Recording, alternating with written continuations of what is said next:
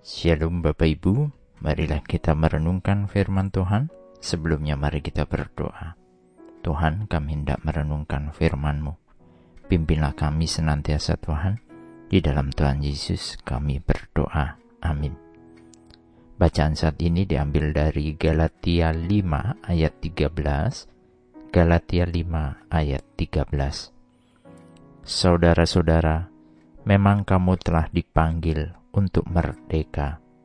Tetapi janganlah kamu mempergunakan kemerdekaan itu sebagai kesempatan untuk kehidupan dalam dosa, melainkan layanilah seorang akan yang lain oleh kasih. Masa pandemi seperti saat ini, ada hal yang hilang dari kebiasaan kita saat ini, yaitu kebebasan kita kita tidak bisa untuk tidak menggunakan masker, mencuci tangan, ngobrol, berkumpul, bertemu teman-teman sebebas seperti satu setengah tahun lalu. Kita harus tinggal di rumah, melakukan aktivitas di rumah, dan semua hal yang membatasi gerak kita. Seolah kebebasan yang terampas hilang dari kehidupan kita biasanya. Saat seperti ini, kita merindukan apa yang dinamakan kebebasan itu. Bacaan saat ini mengingatkan kita kembali tentang arti kemerdekaan. Kemerdekaan sebagai pengikut Kristus.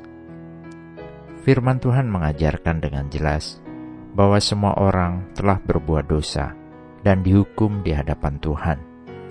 Karena pelanggaran dan ketidaktaatannya, manusia diusir dari Taman Eden dan sejak saat itu manusia ada dalam belenggu dosa.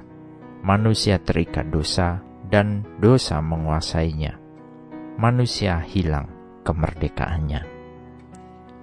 Namun, pengorbanan sempurna Kristus membawa pembebasan dari hukuman mati kekal yang diberikan kepada semua orang berdosa.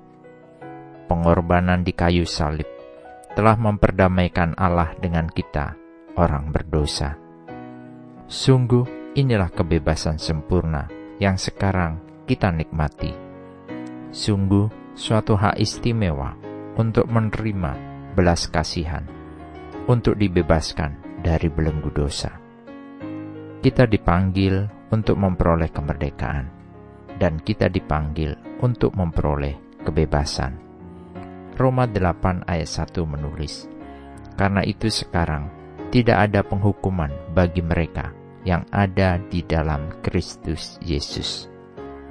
Anugerah keselamatan dan kemerdekaan yang Tuhan beri tidak lalu membuat kita bisa sebebas-bebasnya.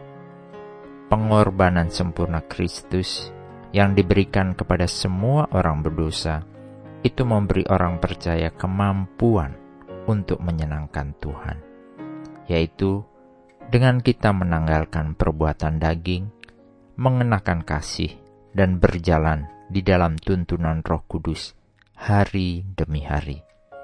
Marilah kita hidup untuk menyenangkan Bapa Surgawi kita, dan biarlah hidup kita senantiasa melayani seorang akan yang lain dengan kasih. Itulah kebebasan yang sesungguhnya yang Tuhan beri di dalam kehidupan kita. Amin. Mari kita berdoa.